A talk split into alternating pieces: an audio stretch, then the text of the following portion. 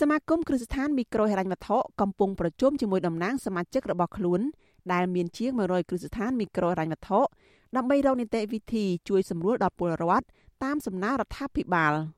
អ្នកនាំពាក្យគ្រឹះស្ថានមីក្រូហិរញ្ញវត្ថុលោកកាំងតងងីមិនទាន់អាចវិតម្លៃបានថាខាងគ្រឹះស្ថានមីក្រូហិរញ្ញវត្ថុនីមួយៗអាចនឹងជួយបញ្ចុះការប្រាក់បានកម្រិតណាឬអាចជួយពន្យាពេលសងប្រាក់ត្រឡប់នោះបានប៉ុន្មានខែទេ តែលោកឲ្យដឹងថានៅសប្តាហ៍ក្រោយ ខាងសមាគមនឹងចេញប្រកាសអំពីនីតិវិធីក្នុងការជួយសម្រួលនេះលោកបន្តថាសមាគមនឹងស្ដាប់តាមការណែនាំរបស់រដ្ឋាភិបាល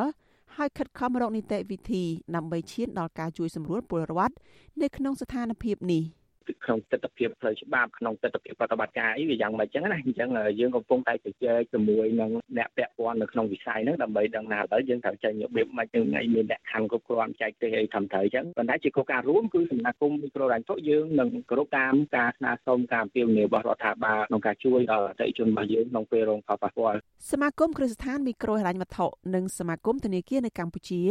បានចេញសេចក្តីថ្លែងការណ៍រួមគ្នា កាលពីថ្ងៃទី7ខែមេសា ដាក់ចេញផែនការ6ចំណុច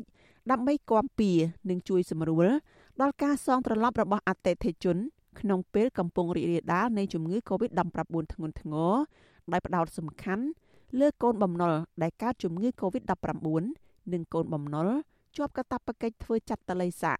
បន្ថែមពីលើផែនការទាំង6ចំណុចនេះលោកនាយករដ្ឋមន្ត្រីហ៊ុនសែនកាលពីថ្ងៃទី10ខែមេសា បានស្នើសុំបន្ថែមទៀតឲ្យខាងធនាគារ និងគ្រឹះស្ថានមីក្រូហិរញ្ញវត្ថុលើកលែងនិងពន្យាពេលការបង់សងប្រាក់ទាំងស្រុងទាំងប្រាក់ដើមនិងការប្រាក់ឲ្យបាន2ខែព្រមទាំងលើកលែងការផាកពិន័យនិងលើកលែងការរឹបអូសទាំងស្រុងក្នុងអំឡុងពេលវិបត្តិជំងឺ Covid-19 នេះលើសពីនេះលោកបានស្នើឲ្យការអនុវត្តនេះមានវិសាលភាពដល់កម្មករកម្មការិនីដែលបានបាត់បង់ការងារធ្វើពាក់ព័ន្ធជាមួយនឹងជំងឺ Covid-19 ផងដែរ។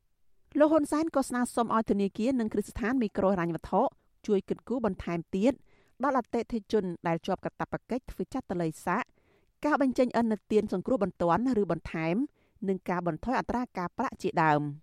ពលរដ្ឋជំពាក់បំណុលគ្រឹះស្ថានមីក្រូហិរញ្ញវត្ថុមួយកន្លែងនៅរាជធានីភ្នំពេញលោកសុកហេងត្រេកអរចំពោះការជួយសម្រួលក្នុងការបង់ការប្រាក់សងត្រឡប់ប៉ុន្តែលោកយល់ថាវិធានការនេះនៅមិនទាន់គ្រប់គ្រាន់ទេ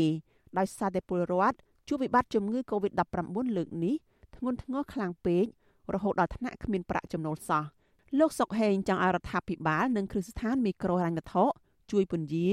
ការបង់ប្រាក់ទាំងស្រុងសម្រាប់ពលរដ្ឋទូទៅដែលបាត់បង់ចំណូលទាំងស្រុងរហូតដល់អាចមានលទ្ធភាពអាចចេញរកប្រាក់បានឡើងវិញ។ 0ហ្មងនិយាយចំ0ហ្មងប្រហែលជាមិនអាចតទៀតទេបងអើយសល់របស់ប្រហែលលក់ចង់អស់ហើយបងចេះតែទប់ទល់ប្រហែលជាទប់ទល់លេខបានអានឹងចប់បងអើយព្រោះអស់លទ្ធភាពហើយព្រោះមួយថ្ងៃរត់អត់មានបានចំណូលទេបងព្រោះគេបិទលើវិញស្រេងបិទពីយើងទៅទឹងមានជ័យដល់ផ្លូវយើងទៅត្រូវហ្នឹងវាមានអីត្រូវបានដឹកភ្ញៀវក៏គេខ្លាចយើងក៏ខ្លាចអីក៏ខ្លាចចឹងពិបាកណាស់បងពាក់ព័ន្ធនឹងស្ថានភាពបំណុលធនាគារនិងគ្រឹះស្ថានមីក្រូរញ្ញវត្ថុនេះអង្គការសិទ្ធិមនុស្សនៅកម្ពុជាក៏បានជំរុញឲ្យគ្រឹះស្ថានផ្ដល់ប្រាក់កម្ចី រកមធ្យោបាយថែមទៀតដើម្បីជួយបន្ថយការលំបាករបស់ពលរដ្ឋនៅក្នុងស្ថានភាពនេះអង្គការលីកាដូនិងអង្គការជាដៃគូ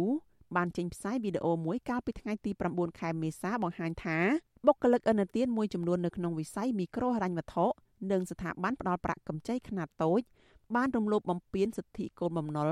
នៅពេលពួកគាត់គ្មានលុយសងស្ថាប័នទាំងនេះតាមកាលកំណត់ នាយករងអង្គការលីកាដូទទួលបន្ទុកផ្នែកសិទ្ធិមនុស្សលោកអំសំអាតស្វាគមន៍ការជួយសម្រួលការលំបាករបស់ពលរដ្ឋបន្ថែមទៀត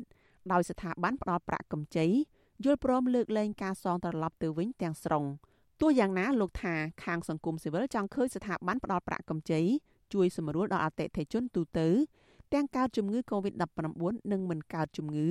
ពីព្រោះពលរដ្ឋសុទ្ធតែកំពុងរងផលប៉ះពាល់ពីវិបត្តិនេះទាំងស្រុង។ ខាងមីក្រូហិរញ្ញវត្ថុហ្នឹងគួរតែពិចារណាឲ្យបានល្អិតល្អន់ណាណាដើម្បីជួយសម្រួលសម្រាប់ពលរដ្ឋនឹងបាទហើយមួយទៀតយើងឃើញថានៅក្នុងកលតិស័កនេះរដ្ឋាភិបាលក៏មានកញ្ចប់ថវិកាដើម្បីចេញសម្រាប់ជួយទៅដល់ប្រជាពលរដ្ឋក្រីក្រនៅក្នុងកលតិស័កនៃការរីករាលដាល COVID-19 នេះដែរអញ្ចឹងក៏ទទូចថាសម្រាប់រដ្ឋាភិបាលលោកពិនិត្យបន្ថែមទៀតណាទៅលើលទ្ធភាពនៃការជួយ សង្គមស៊ីវិលនិងសហគមន៍ក្រីក្រជាង100ស្ថាប័នកាលពីដើមខែមេសាបានចេញសេចក្តីថ្លែងការណ៍រួមគ្នាស្នើឲ្យផ្អាកបង់លុយសងត្រឡប់ទាំងការទាំងដើមរយៈពេល3ខែដើម្បីឲ្យពលរដ្ឋបានស្នាក់នៅផ្ទះការពារកុំឲ្យឆ្លងជំងឺ Covid-19 និងជាការផ្ដល់លទ្ធភាពឲ្យពលរដ្ឋរកប្រាក់សងបំណុលនៅពេលក្រោយលោកកាំងតុងងីឲ្យដឹងថាចាប់តាំងពីផ្ទុះព្រឹត្តិការណ៍ឆ្លងជំងឺ Covid-19 នៅក្នុងសហគមន៍លើកទី3នេះខាងសមាគមគ្រឹះស្ថានមីក្រូហិរញ្ញវត្ថុ នៅមិនទាន់បានរបាយការណ៍រួមរបស់អតិថិជនដែលស្នើសុំរៀបចំអនុទានឡើងវិញទេតែគិតត្រឹមចុងខែកុម្ភៈឆ្នាំ2021មានអតិថិជនជាង3សែននាក់បានរៀបចំអនុទានឡើងវិញក្នុងទំហំអនុទានប្រមាណ4ប៊ីលានដុល្លារអាមេរិកលោកកាំងតុងងីឲ្យដឹងថាតាមបទពិសោធន៍នៅក្នុងព្រឹត្តិការណ៍ផ្ទុះជំងឺ Covid-19 កាលពីឆ្នាំមុនក្នុងមួយសប្តាហ៍មានពលរដ្ឋប្រមាណ20,000នាក់ស្នើសុំរៀបចំអនុទានឡើងវិញ នាងខ្ញុំសុជីវីអាស៊ីសេរីរាយការណ៍ពីរដ្ឋធានី Washington